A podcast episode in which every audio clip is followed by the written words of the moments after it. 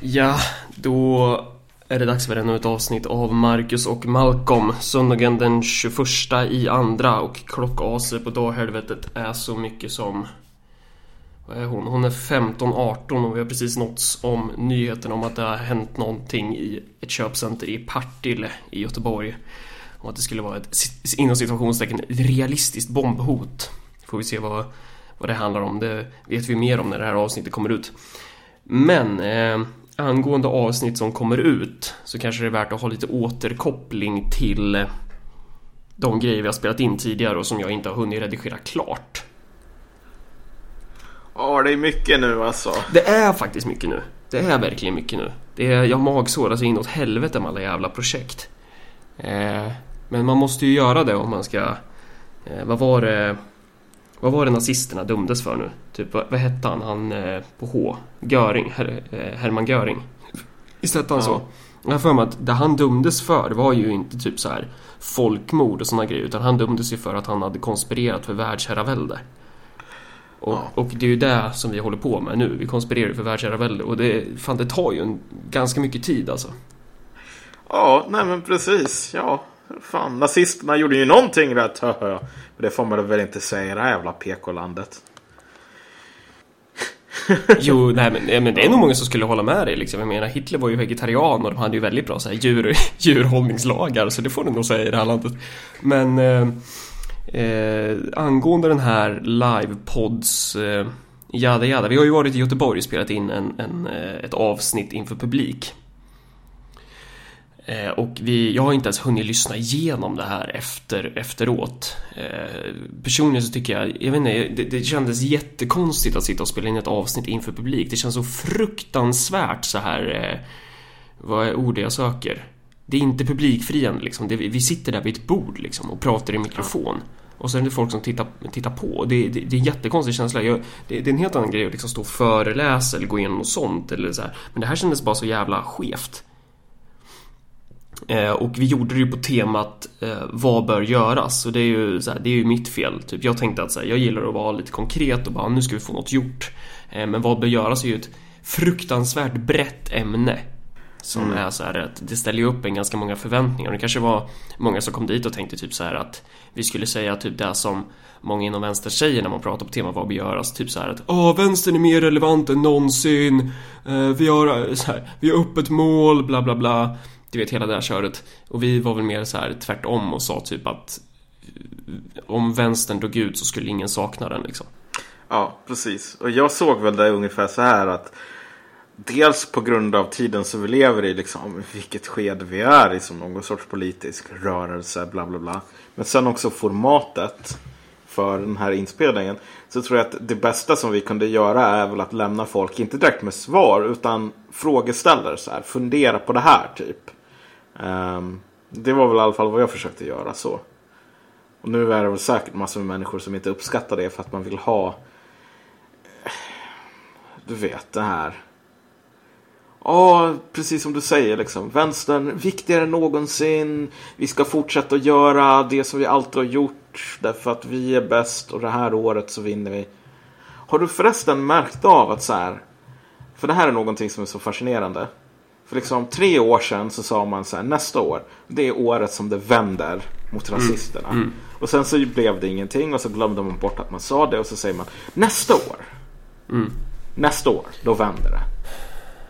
Ja. Och sen året efter det så bara nästa år så vänder det. Men mm. alltså vi ville väl inte direkt säga, ja men nästa år då kommer det att vända. Det är, desperat, alltså, det. det är desperata överstepräster. Ja, som bara, bara vi, bara vi offrar lite mer. Alltså, när man har offrat halva flocken liksom, eller vad, vad det nu är, flocken. Halva samhället, halva staden. Alla går åt. Bara, trapporna upp till blodsaltaret bara dryper av blod. Så säger man Nej men, nej men nästa år. Offra lite till. Det, det är typ vänstern. Okej, hur som helst, vi... Eh, Och grejen är den, om vi bedömer den här inspelningen, eller om jag bedömer den här inspelningen som total skit då kommer jag aldrig släppa den. Då kommer, det, kommer ingen få höra det här. och de här personerna i Göteborg kanske kommer mystiskt försvinna på någon slags stalinistiskt maner för att, eh, för att det var så dåligt. Men, men vi får se om det var dåligt eller om, om det var... Eh, om det funkade. Eh, det finns ju liksom inget annat än de två. Eh, och om det nu var skit så spelar vi bara in nya grejer på typ samma tema. För det är ju på något sätt ett tema som typ så känns ganska relevant om man ska hålla på med politik. Att man kanske borde typ någon gång så ställa sig frågan, men vad fan gör vi då? Um, men hur som helst, uh, från det till en annan grej. Uh, USA. Ja, nej men precis. Nu har det ju varit primärval igen. Um, och Trump gick det ju ungefär som man hade väntat sig. Skitbra för. Eh, så han har ju vunnit South Carolina och New Hampshire var det väl. Och gjorde, kom ganska okej okay i Iowa. Saken är bara den att ingen i sådana här primärval, liksom, ingen republikan på den senaste liksom, tiden i alla fall, har vunnit de sakerna som Trump har vunnit nu utan att sen vinna nomineringen. Så han, Trump kommer antagligen att bli den republikanska nomineringen. Det är nog för sent att stoppa honom. Jag har sagt sedan början att det kommer stå mellan Sanders och Trump och jag tror att Trump blir USAs president. Mm. Jag är rätt säker på det. Um, mm. Jag vet inte vad, om du håller med där. Du kanske är team Sanders så kan vi, kan vi slå vad om en jävla öl eller någonting. Jag vet inte fan. Ja, nej men jag gillar Sanders. Jag tror så här, alltså. Han är, han är jävligt bra politiker också. Det är väldigt så här många som inte tar honom på allvar för att han är en gammal vit cisman, socialist, jude, allt sånt där. Man tror att han är en jävla pajas man kan skratta åt typ. Men han, han, han är... Det går jävligt bra för honom. Men saken är den att frågan är om det går bra nog. Därför att vi tog väl upp det förut så här med superdelegater. Ja, alltså väldigt, väldigt kortfattat kan man ju säga som så att det finns ju, alltså Hillary har ju typ så här partiet, Demokraternas stöd så. Partietablissemanget, det politiska etablissemangets stöd och superdelegaterna är ju liksom, vad ska man säga? De är ju utvalda av partiet så. Precis. Du, du, går, du ställer upp i de här valen mm. och så delas det ut delegater beroende på hur bra du klarar dig. Samtidigt som det finns delegater i den här slutliga liksom, partikongressen som inte väljs demokratiskt. Mm. Utan det är bara så här senatorer och liknande, alltså insiders och de, så när det har varit jämnt så har ju Hillary typ vunnit med någon så här, en halv promille eller någonting sånt. Mm. Och så har det varit så här, bara, men det var, fanns inte röstlappar till alla och du vet. Det är en massa konstiga grejer som händer.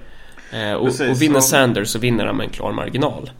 Precis, alltså det är det som är saken att Sanders kommer kunna bli den liksom demokratiska nomineringen om han kan vinna populärvalet. Alltså om man kan ställa upp i de här omröstningarna och vinna tillräckligt mycket med tillräckligt stor marginal så att de som de här delegaterna som inte väljs demokratiskt inser att vi kommer att ha sönder partiet om vi ställer oss på Hillarys sida när Sanders har vunnit i folkets ögon. Och om inte Sanders blir den här personen, sa du det förut kanske, om inte Sanders blir Demokraternas presidentkandidat då kommer ju Trump krossa Hillary i det sista ja, racet liksom. det tror jag verkligen kommer att hända. Därför att nu, precis som du sa, har det varit massor så konstigheter med um, i Nevada. Och det var konstigheter i Iowa också. Och egentligen, det kan röra sig om valfusk. Det skulle inte förvåna mig om det rörde sig om valfusk. Men alltså bara att folk talar om någon sån där superjämna val och bara säger det måste vara valfusk. Det visar att ingen litar på Hillary. Ingen litar på partiet. Och om det blir så att de här odemokratiskt valda delegaterna avgör till Hillarys fördel. Då kommer massor med som stödjer Trump bli desillusionerade och stanna hemma. Mm. Och du vinner bara ett ett val. Du menar massa, massa som stödde Sanders menar du? Ja precis, ja. massa som stödde Sanders. Du vinner bara ett val i USA om folket som röstar på ditt parti mm. bryr sig nog för att gå till valurnorna. Mm. Och jag tror inte det finns något sätt som Hillary kan vinna på idag. Som inte kommer att leda till att folk anklagar henne för fusk. Egentligen helt oberoende om hon fuskar eller inte. Alltså för hon är inte pålitlig. Det är ingen som litar på henne. Så att Hillary mot Trump, där håller jag helt med dig. Då kommer Trump att vinna. Det där säger du ju bara för att hon är kvinna och du är man. För hallå, ja, hon är ju faktiskt, ja. hon kan ju faktiskt bli hon kan ju faktiskt bli USAs första kvinnliga president. Det är typ hela hennes kampanj. Det, ja. det, det är så här det, det påminner lite om den här personvalskampanjen i Vänsterpartiet när Jonas Sjöstedt och Rosanna Dinamarca när det stod mellan dem. Och så här, folk gick upp och så här, jag skrev, jag, jag satt då som den geekiga, så satt jag så här frenetiskt nedtecknade alla pläderingar och så här kollade vilka som tyckte vad och eh, sett, alltså berättelserna som man förde fram eh, när det gällde att plädera för de olika kandidaterna. Och när det gäller Jonas Sjöstedt så, så många pläderade alltså utifrån någon slags erfarenhet, eh, utifrån så här, egenskaper typ. Eh, men när det var Rosanna Dinamarca, alla som var uppe, alla som var uppe och pläderade för henne sa typ så här, ja hon är rasifierad, eh, hon är kvinna. Det var, det var de två liksom som man tryckte på. Och det, jag tycker det är så sorgligt när man degraderar eh, människor till deras typ kön eller ras på det sättet. För man gör ju verkligen det man kanske inte borde göra eller jag vet inte, men det där har vi varit inne på tidigare men det, det, jag tycker det säger någonting liksom. Men Hillary Clinton är en svensk Mona Sahlin och jag vet inte så här, Mona Sahlin, för mig i alla fall och nu kan du kalla mig någon galen superfeminist här. Men för mig var det väldigt tydligt att Mona Sahlin blev behandlad på ett sätt som hon skulle, inte skulle ha blivit behandlad på om hon inte var kvinna. Jag tror liksom, man skulle verkligen inte ha drevat henne sådär. Visst är det så, visst är det så liksom. Ja. Men det är fortfarande så sjukt att man Alltså, man har en väldigt fattig politik. Jo, om. Om, om politiken alltså... är så här bara Jag kommer bli första kvinnliga presidenten. Man bara Vem fan bryr sig? Jag vill ja. se resultat. Jo men precis, alltså saken är väl den så här att om Mona Sahlin var man så skulle ingen ha drevat om någon jävla Toblerone. Vem fan bryr sig? Så här. Men i slutändan, det enda som Mona Sahlin kan säga till sin egen fördel är att hon är kvinna. Därför att hon är kass. Mm, mm. Och i slutändan så, du vet. I, i tider som dessa så tror jag att det kommer inte att fungera och bara säga så ja men vet du vad, jag är kass. Men ni undersåtar ska rösta på mig. Därför att det är min tur nu. Så här. Det funkar inte. Så att i slutändan så här, Jeremy Corbyn till exempel. Om det hade varit en kvinna, en ung, yngre kvinna och inte en gammal gubbe. Då skulle det ha gått mycket bättre. Tror jag. Om någon sån här Liz Kendall var så här socialist istället för att vara kukhöger. Så skulle typ Liz Kendall ha vunnit med ännu större förkrossande majoritet. Så det, jag tycker att i slutändan så går det inte att skylla allt för mycket på vilket kön du har om det är det enda som du har. Om vi säger så. Men onwards and upwards liksom till nästa ämne. Precis. Det är världskrig Malcolm! Ja, precis. Det är det ju. Eller så är det inte det. Ja, nej men det har varit mycket snack på senaste tiden. Mm. Så här du vet, Syrien, allt det där och nu går vi mot det här stora världskriget och typ bla bla bla sådär. Mm. Du vet hur kråksången går och det känns som det är väldigt få människor som sysslar med någon sorts liksom, analys av vad som händer snarare än vad de vill ska hända för att det är mest dramatiskt. Ja, vil, vilken rubrik smäller högst och, och säljer bäst? Och det är ju också en grej, man kanske borde prata om det i ett helt avsnitt angående hur media fungerar utifrån ett kapitalistiskt profitbegär.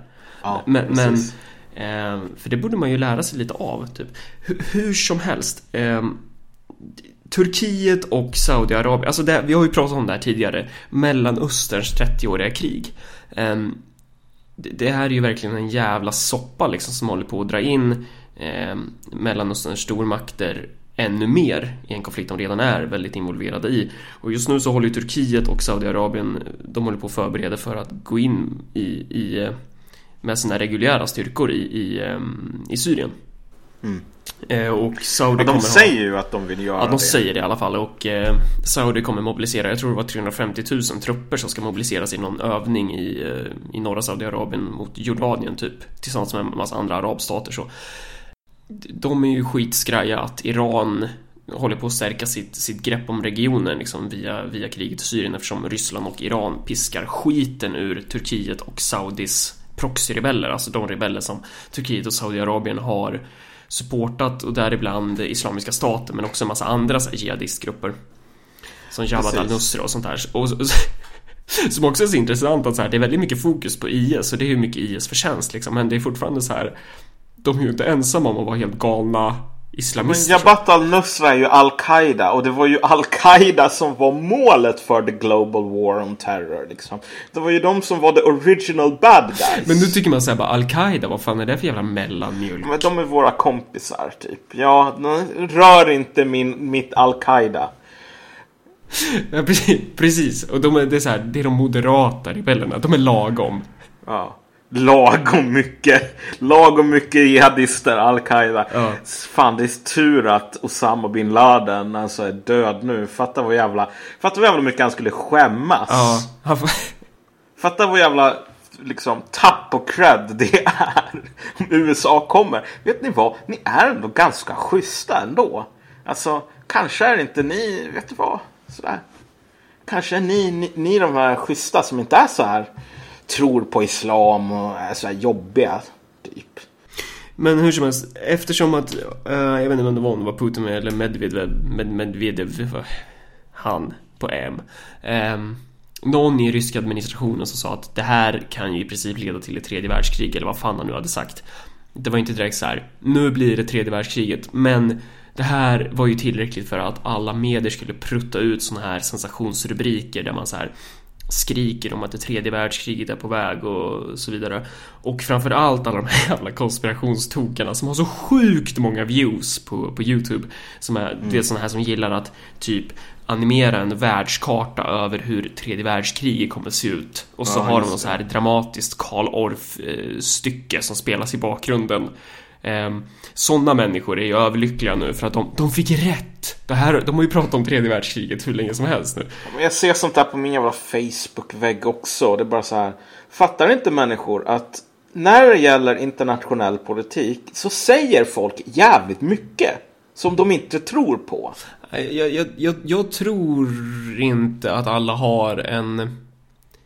Eh, nej, jag, nej, jag tror inte folk fattar det. Nej men alltså för kolla, när USA säger så här, vi, vi bryr oss bara om frihet och demokrati och typ att alla ska ha rätt till äppelpaj och mödraskap och allt som är fint. När jag ser det så tänker jag så här, då tänker inte jag, ja, nej men så är det visst. Mm. Och när Ryssland säger någonting liknande så tänker inte jag heller så här automatiskt, ja så är det visst. Jag tänker för den skulle inte att, ja men det här är en jävla lögn för att typ slaven är egentligen en mongol som har kommit för att förstöra västvärlden. Och alla de där eh, liksom troperna som typ mer eller mindre finns latent på SVDs ledarsida. Så här, det dröjer, det, alltså, man behöver inte pusha dem långt för att höra så här typ riktigt den här 1800-tals rasism liksom. På den gamla goda tiden. Typ. Om att ryssarna är på ett visst sätt. Ja men ryssarna är orientaler. Ja. De är inte riktiga människor. De är typ tre fjärdedelars människor eller något sådant. Men hur som helst. Alltså visst, Medvedev sa väl säkert att det här kan leda till ett tredje världskrig. Men det gäller ju alltid att ha ögonen på vad är de här ländernas faktiska position? Vad är deras materiella intressen? Hur ser deras interna politik ut? Varför gör de det de gör? Mm. Under vilka förutsättningar gör Hela de det de gör? teorin bakom att det skulle eh, bli ett tredje världskrig handlar ju det här om allianser. Eh, ja. Om att Turkiet är med i NATO. Eh, och Saudiarabien är ju en USA-allierad också. Och om, du, om de nu går in i krig mot Ryssland, ja men då måste ju USA enligt eh, så här, typ den formella idén bakom NATO backa upp ett krig då. Men det funkar inte så. Det, det, finns, det finns tusen problem här med den bilden. Det första är ju bara att om Turkiet åker in med sina trupper i Syrien. Då är ju inte det här ett försvarskrig. Nej. De har ju ingenting i Syrien att göra. Det är ju en invasion. Det är inte en invasion när Ryssland är där därför att de har blivit inbjudna av liksom den formella statsmakten. Sen kan man väl tycka vad man vill om Assad. Och jag är ju in, alltså jag är ju i första hand är jag marxist men jag är också i internationella relationer så är det ju svårt att inte vara någon slags realist när det gäller att se ja. att så här ett land gör inte, på, eller en stat handlar inte på ett visst sätt om inte den staten verkligen tjänar på det. Alltså, ja, NATO är bra för USA om det tjänar USAs intressen. Ja. Vem, vem fan tror att USA typ skulle, jag inte, ta något skitland som är med i NATO. typ... Eh... Montenegro. Ja, eller Danmark liksom. Ja just det, det jävla skitlandet. Tror, tror du USA skulle skicka så här bara, ja nu, nu jävlar ska vi mobilisera för att amerikaner ska ut och dö i krig för några jävla grötgurglande grisätare. Ja, du, om, om USA visste vad som var bra för dem när typ Ryssland säger vi ska atombomba Danmark så skulle mm. väl USA säga här, vi skickar in några atombomber också så att det blir gjort på rätt sätt liksom. Vi blir av med det här jävla landet. För, för att det är det som är grejen nu så att Turkiet eh, jag vet inte vad Erdogan håller på med. Han är ju helt desperat nu. Han är ju, han är helt sjuk i huvudet på ett sätt. Men så här, det, det USA har väl sagt är ju typ att Turkiet säger att så här, ja, men vi måste ju gå in och slå sönder kurderna nu. För de är ju mm. skitskraja att kurderna, för kurderna håller ju verkligen på att piska skiten ur IS och de stärker sitt grepp i regionen totalt. Mm. Um, sen så ska det ju sägas att PKK har ju ännu inte mobiliserat sina styrkor som finns i norra Kurdistan i Turkiet. Utan mm. de ligger ju i bergen och väntar. Eh, och de kan ju inte röra sig nu för det är vinter. Men eh, snart så kommer den kurdiska våren liksom. Och grejen är att eh, det vill inte Erdogan. Han vill inte att det ska hända och så han menar ju på att vi måste slå ut kurderna. Och det USA har väl sagt var väl i princip att så här, konflikten Turkiet vs Kurdistan, vi ser inte riktigt den konflikten. Det behöver inte vara, det behöver inte vara en motsättning där. Och vad betyder det på diplomatspråk?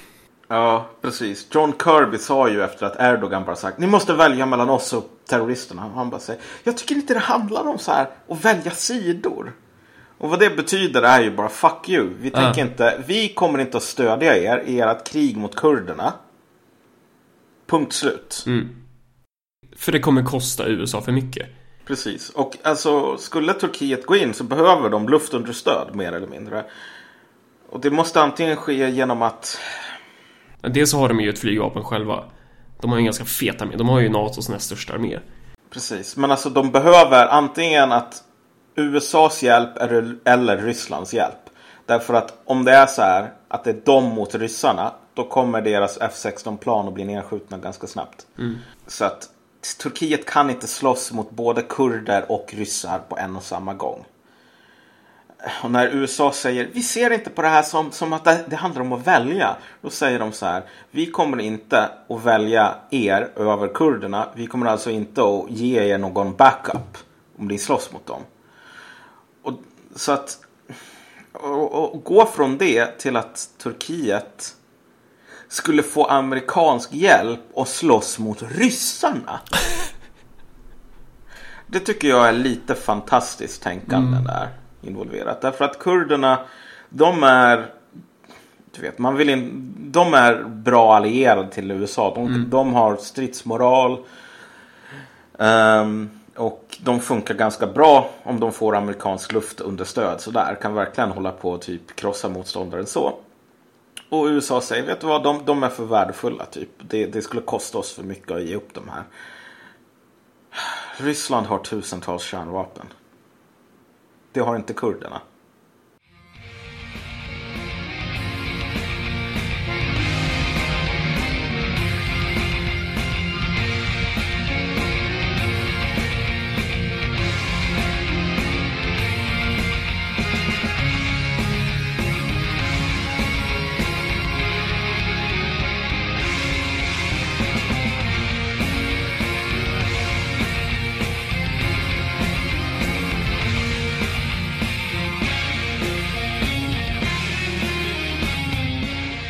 Tusentals kärnvapen som är designade för att typ utplåna USA. Det är därför man har byggt dem. Um, och alla de här missilskölden och sånt, de funkar inte för fem öre.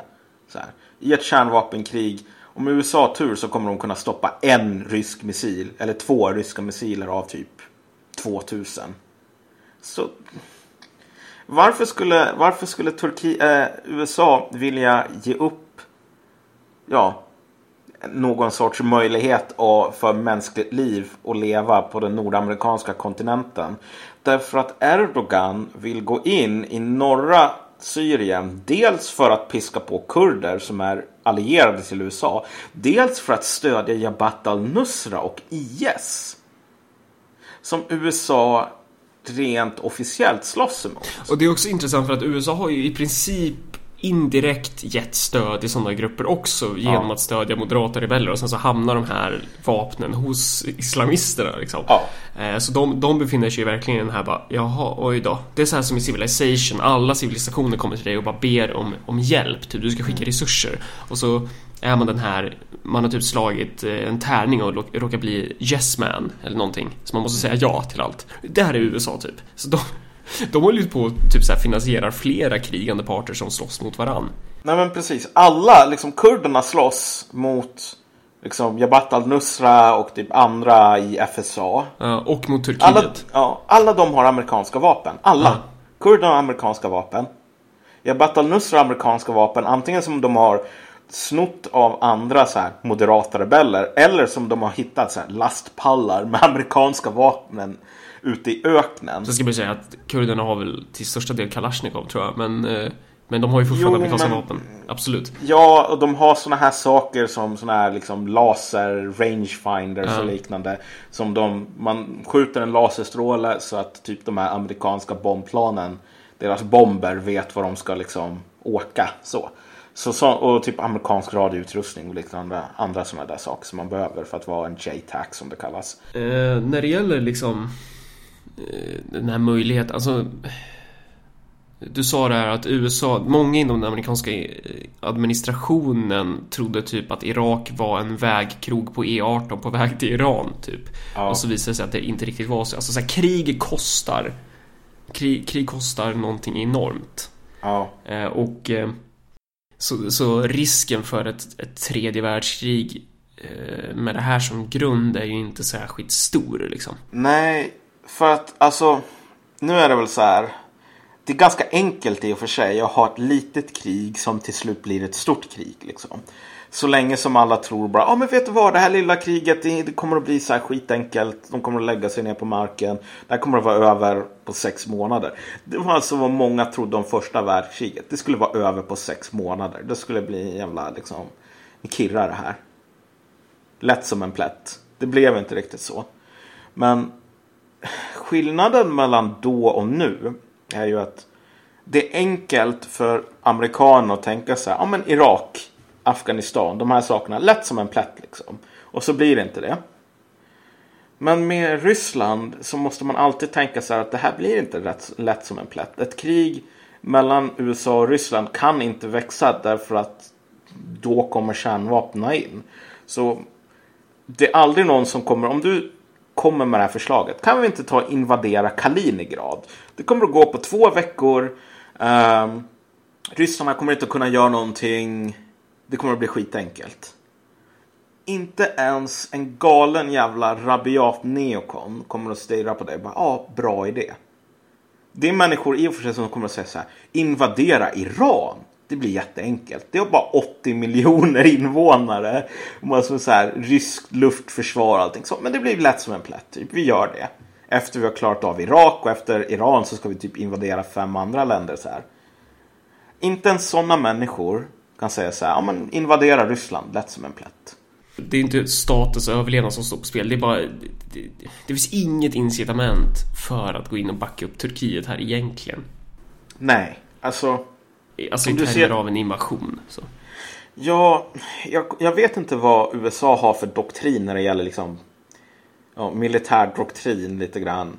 För de som inte vet, det är väl ungefär ett dokument eller liksom där man klargör så här tänker vi kring hur vi använder våran militär, när vi gör det, varför och så vidare. Jag vet inte hur det står till med amerikansk kärnvapendoktrin och även om den fanns så är det väl inte 100% säkert att man skulle, skulle gå att lita på att man följde den. Men rysk i alla fall ser ut så här. Ryssland förbehåller sig rätten att använda kärnvapen. Dels självklart om någon använder kärnvapen mot dem. Men även liksom first strike. Att det är de som använder först. I krig som involverar kärnvapen eller krig som involverar bara vanliga styrkor om den ryska statens självaste överlevnad är hotad. Så att om du kommer och rullar dina tanks mot Moskva som om du vore liksom äh, äh, tyska liksom tredje armén 1940. Då säger ryssarna liksom att vi kommer att använda kärnvapen. Eller vi kan göra det. Men Syrien är inte Ryssland. Syrien är inte USA.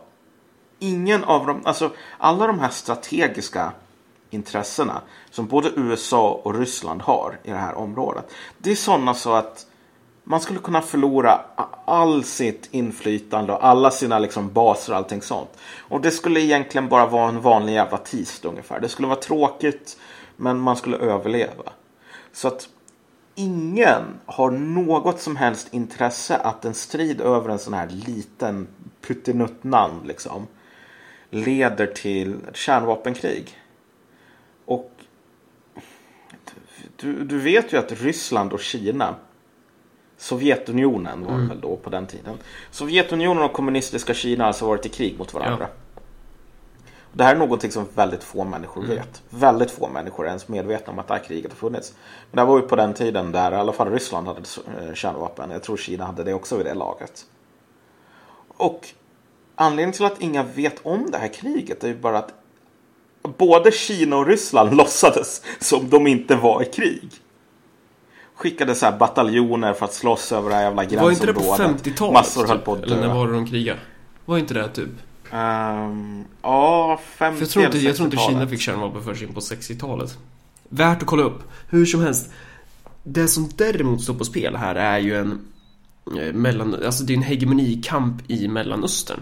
Det är ju vilken stormakt är det som ska vara den dominerande kraften. Det står ju mellan Turkiet, Iran, Saudi i, det här, i den här konflikten typ. Och det blir ju också då eh, via de här geopolitiska eh, materiella eh, motstridiga intressena så, så kanaliseras ju också en konflikt i, i, i termer av Shia-Sunni.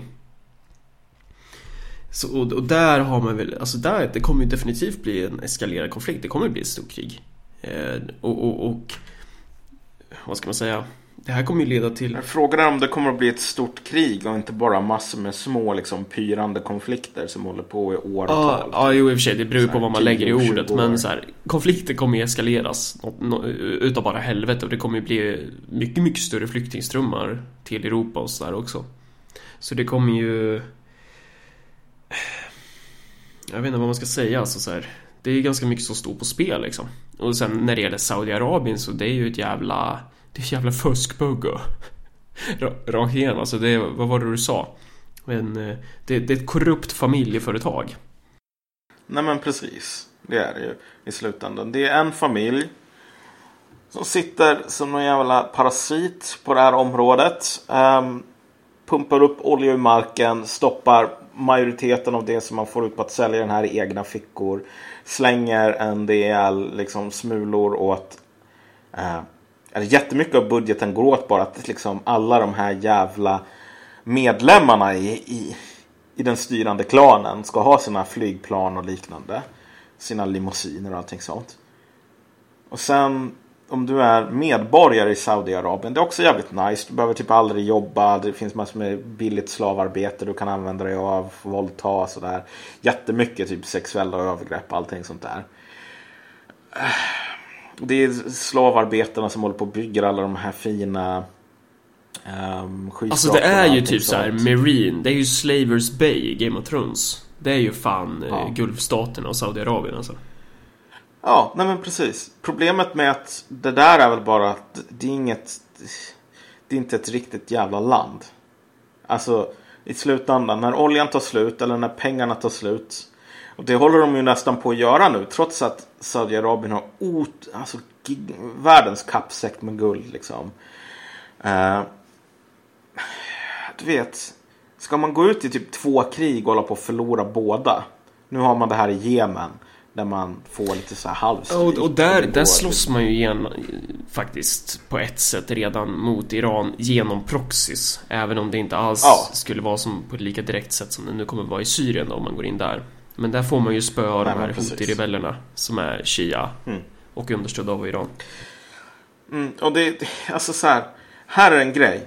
Så här, arabstaterna, de har aldrig haft, de har aldrig varit bra på att slåss senaste hundra åren. Därför att vem vill egentligen dö för Saudiarabien? Det är inte ett riktigt land och det är så här, det finns inga... Det, det finns medborgare har inga rättigheter eller något sånt där. Det är bara att du får, du blir mutad. Du får massor med typ energisubventioner så att du kan köpa bensin för äh, 50 öre liten eller vad den kostar nu för tiden. Um, men i slutändan, det är ingenting som du är beredd att slåss och dö för. Vilket är varför det finns massor med bilder ute på Twitter med liksom rebeller som står framför helt oskadade så här, amerikanska Abrams pansarvagnar. Och att de här är oskadade, det visar ju bara på att alltså, förarna, när de har sett liksom oj, nu blir vi skjutna på, bara hoppar ur pansarvagnen och springer därifrån. Därför de vill inte slåss. Och det där är så att ett sådant land som dessutom liksom Iran har ganska många fler invånare. Så. så här, man kan säga vad man vill om Iran men det är ett riktigt land. typ. Det är fortfarande så att människor som klagar på, på regimen där. De tror fortfarande på landet om vi säger så. Alltså det är bara att det är dåliga människor som sitter ja, fel, på toppen. Det är fel styre helt enkelt. Ja sådana människor är fortfarande liksom beredda att slåss. Om typ landet blir hotat utifrån. Så att alltså, det finns ingen chans att amerikanerna skulle kunna gå ut i krig mot Iran eller att Turkiet skulle kunna göra det utan att det blir jävligt blodigt. Samma sak med Saudiarabien. Saudiarabien har ingen chans. De har, bara, de har bara sina skitdyra leksaker de har köpt från USA. Och så visar det sig att de här inhyrda legosoldaterna nästan. Som bara är med i armén för att de får bra betalt. De överger de här stridsvagnarna och de här dyra leksakerna. De bara, nej vet du vad, jag tänker inte dö för det här. Men det är ju en, alltså när det gäller, det här är ju oljeregionen. I ett system ja. som är, i dagens kapitalistiska system som är väldigt, väldigt tätt sammanlänkat. Och det här är ju verkligen alltså, en region i förändring Alltså hela systemet är ju i förändring men, men den här regionen är ju verkligen i, i förändring om man säger så. Det är ju, här är ju på ett sätt, ja. vad ska man säga, centrum. Precis, och i slutändan så här, USAs utrikespolitik området var ju hela tiden det här att Saudiarabien är typ det an geopolitiska ankaret liksom. De som ger någon sorts stabilitet åt regionen. Um, och sen att Saudiarabien har massor med dåliga sidor. Typ att det här är ju värre tyranni än liksom Saddams Irak eller Gaddafis Libyen. Alltså de, de har ju precis exakt likadan lagstiftning som Islamiska staten. Ja. Nej, men de här människorna var användbara. Det handlar i slutändan inte om frihet och demokrati och äppelkaka eller vad fan det nu är som John Kerry eller Hillary Clinton skulle säga. Så. Det här handlar bara om liksom små politiska intressen liksom. Helt självintresse. Och i slutändan, Saudiarabien var användbart. Men Saudiarabien kan inte överleva eftersom deras modell i slutändan bygger på att köpa lojalitet. Av den olja, av den olja de pumpar upp. Precis, men nu av, den, av olika anledningar så blir det dyrare med lojalitet. Du har alla de här inhemska sunnimuslimerna och så vidare som, eller shia-muslimerna som de går inte att köpa. Ja, och sen har du väl problemet med att det blir svårare och svårare att få upp den där jävla oljan liksom. Ja, det blir dyrare att få upp oljan och mer och mer måste gå till den egna befolkningen så att man har mindre och mindre att sälja på liksom den internationella marknaden så att man kan ha råd med alla de här subventionerna. Men sen också så här, krig är jävligt dyrt. Krig är otroligt dyrt. Eh, och det är ännu sämre om du har krig som drivs av idioter som inte har någon jävla aning om hur dyra de här sakerna är. Och typ får stryk av bara liksom eh, bara så här hillbillies liksom. Du vet bondläppar, folk som inte har jättedyra tanks som bara har Kalashnikovs liksom. Så USA la ju ner mer pengar i Irak än vad man la ner under liksom Vietnam. Och i Vietnam slogs man alltså mot ett annat land. Och en inhemsk, alltså mot Vietcong plus NVA. Och båda hade så här... Kina, Sovjet i ryggen. Ja, som bara, bara matade in stridsutrustning, ja. så här, flygplan, tanks, artilleri, mm. allting sånt. Vad slogs man mot i Irak? Folk som hade typ öppnat någon så här 30 år, tog 30-åriga gamla artilleripjäser och bara typ drog någon jävla eh, elektroniksladd liksom, mellan de här. Grävde ner dem vid en vägkant. Det är människor som har nästan ingenting när det gäller krigsmateriel och sånt. Ändå så la man ner ännu mer pengar på det. Därför att i slutändan så de här sakerna är dyra och speciellt om du har den här som USA har idag. Den här liksom privatarmén. Där rika behöver inte tjänstgöra och liksom det inte, man ska inte ha värnplikt. Jo, och framförallt så har du ju fler företag som Alltså det mer och mer smulor försvinner ju bort på vägen till Ja, ja. Eh, slutmålet. Och till sådan är kapitalismen. Ja, jo men precis. Eh, eller inte ens kapitalismen. Det där såg du ju i Ottomanska riket. Ja, men så... liksom. Sådan är människan. Ja, nja, ty sådan är ett system som håller på att för, alltså, falla sönder. Kanske. Ja, jo men jo definitivt. Alltså alla, alla arméer är ju inte sådana. Men när, när saker och ting håller på att falla sönder så de flesta systemen börjar likna varandra jävligt mycket egentligen så här på, på, på nedförsbacken om vi säger så. Men det är väl det för idag. Ja, Då ska vi... liksom för, sammanfattningsvis så här. Så att det kommer nog inte att bli något tredje världskrig. Och det känns väldigt konstigt att säga det. Att vi borde vara tacksamma för kärnvapen ungefär. Men jag tror att det är kärnvapen som har förhindrat att någon i Ryssland eller någon i USA tänker ungefär som man tänkte i Österrike-Ungern. Början av 1900-talet så här ja men ett litet krig, det blir skitballt liksom. Om det här är över på typ sex månader. Det blir jätteenkelt. Och så går man in med hela sin stack. Och sen så bara när man attackerar den här staden så bara blir det där ljudet till Civ 4 ja. och allt försvinner. Skitdåligt. Precis. Eh, Patreon och Swish och grejer. Just det, vi har ett till avsnitt också eh, där vi har snackat ganska mycket om TTIP. Eh, och en allmän tendens om att saker håller på att gå åt helvete. Typ jävligt konkret tema. Eh, frågan är om det kommer ut före det här eller efter. Det får vi se. Men eh, det är ett till avsnitt inspelat i alla fall. Och eh, så kan man ju så här skicka gåvor. Eh, dels via Swish på 0790 1072 23. Eh, och sen så kan man eh, signa upp sig på Patreon. Så kan man eh, så donera en dollar eller två dollar i form av en gåva eh, varje gång jag släpper ett nytt avsnitt så bara dras det automatiskt. Om man tycker sånt är nice. Eh, jag vill också uppmana alla att här, sprida våran podcast. Vi måste, vi måste växa helt enkelt. Eh, och sprid den till, till alla. Alltså dela den på din Facebook-vägg, eh, sprid den på Twitter, jag vet inte vad. Vi kanske typ borde så här, skaffa klistermärken eller så här T-shirts. Re Reklam-t-shirts. Just det ja. Reklam-t-shirt med någon... No, ja, just det. Det här tycker jag. Nej, jag vill ha, jag vill ha så här. Du, du vet så här som de här eh, Många typ eh, halvt psyksjuka människor brukar stå med så stora skyltar bara undergången är nära. Mm. Vi borde ha en, man ja. borde kunna köpa sådana skyltar och så är det våran så här Marcus och Malcolm-loggan bara undergången är nära. Och så är det bara så här reklam för våran podcast. Jag tror det skulle passa jävligt bra faktiskt på ett sätt. Men jag tänker vi, vi får designa någon t-shirt med liksom den här podcasten inofficiella liksom totemdjur Hasselmusen. Ja. Eh, och så får vi ha någon rolig så här logga. Det tror jag säkert alla kidsen kommer att bära.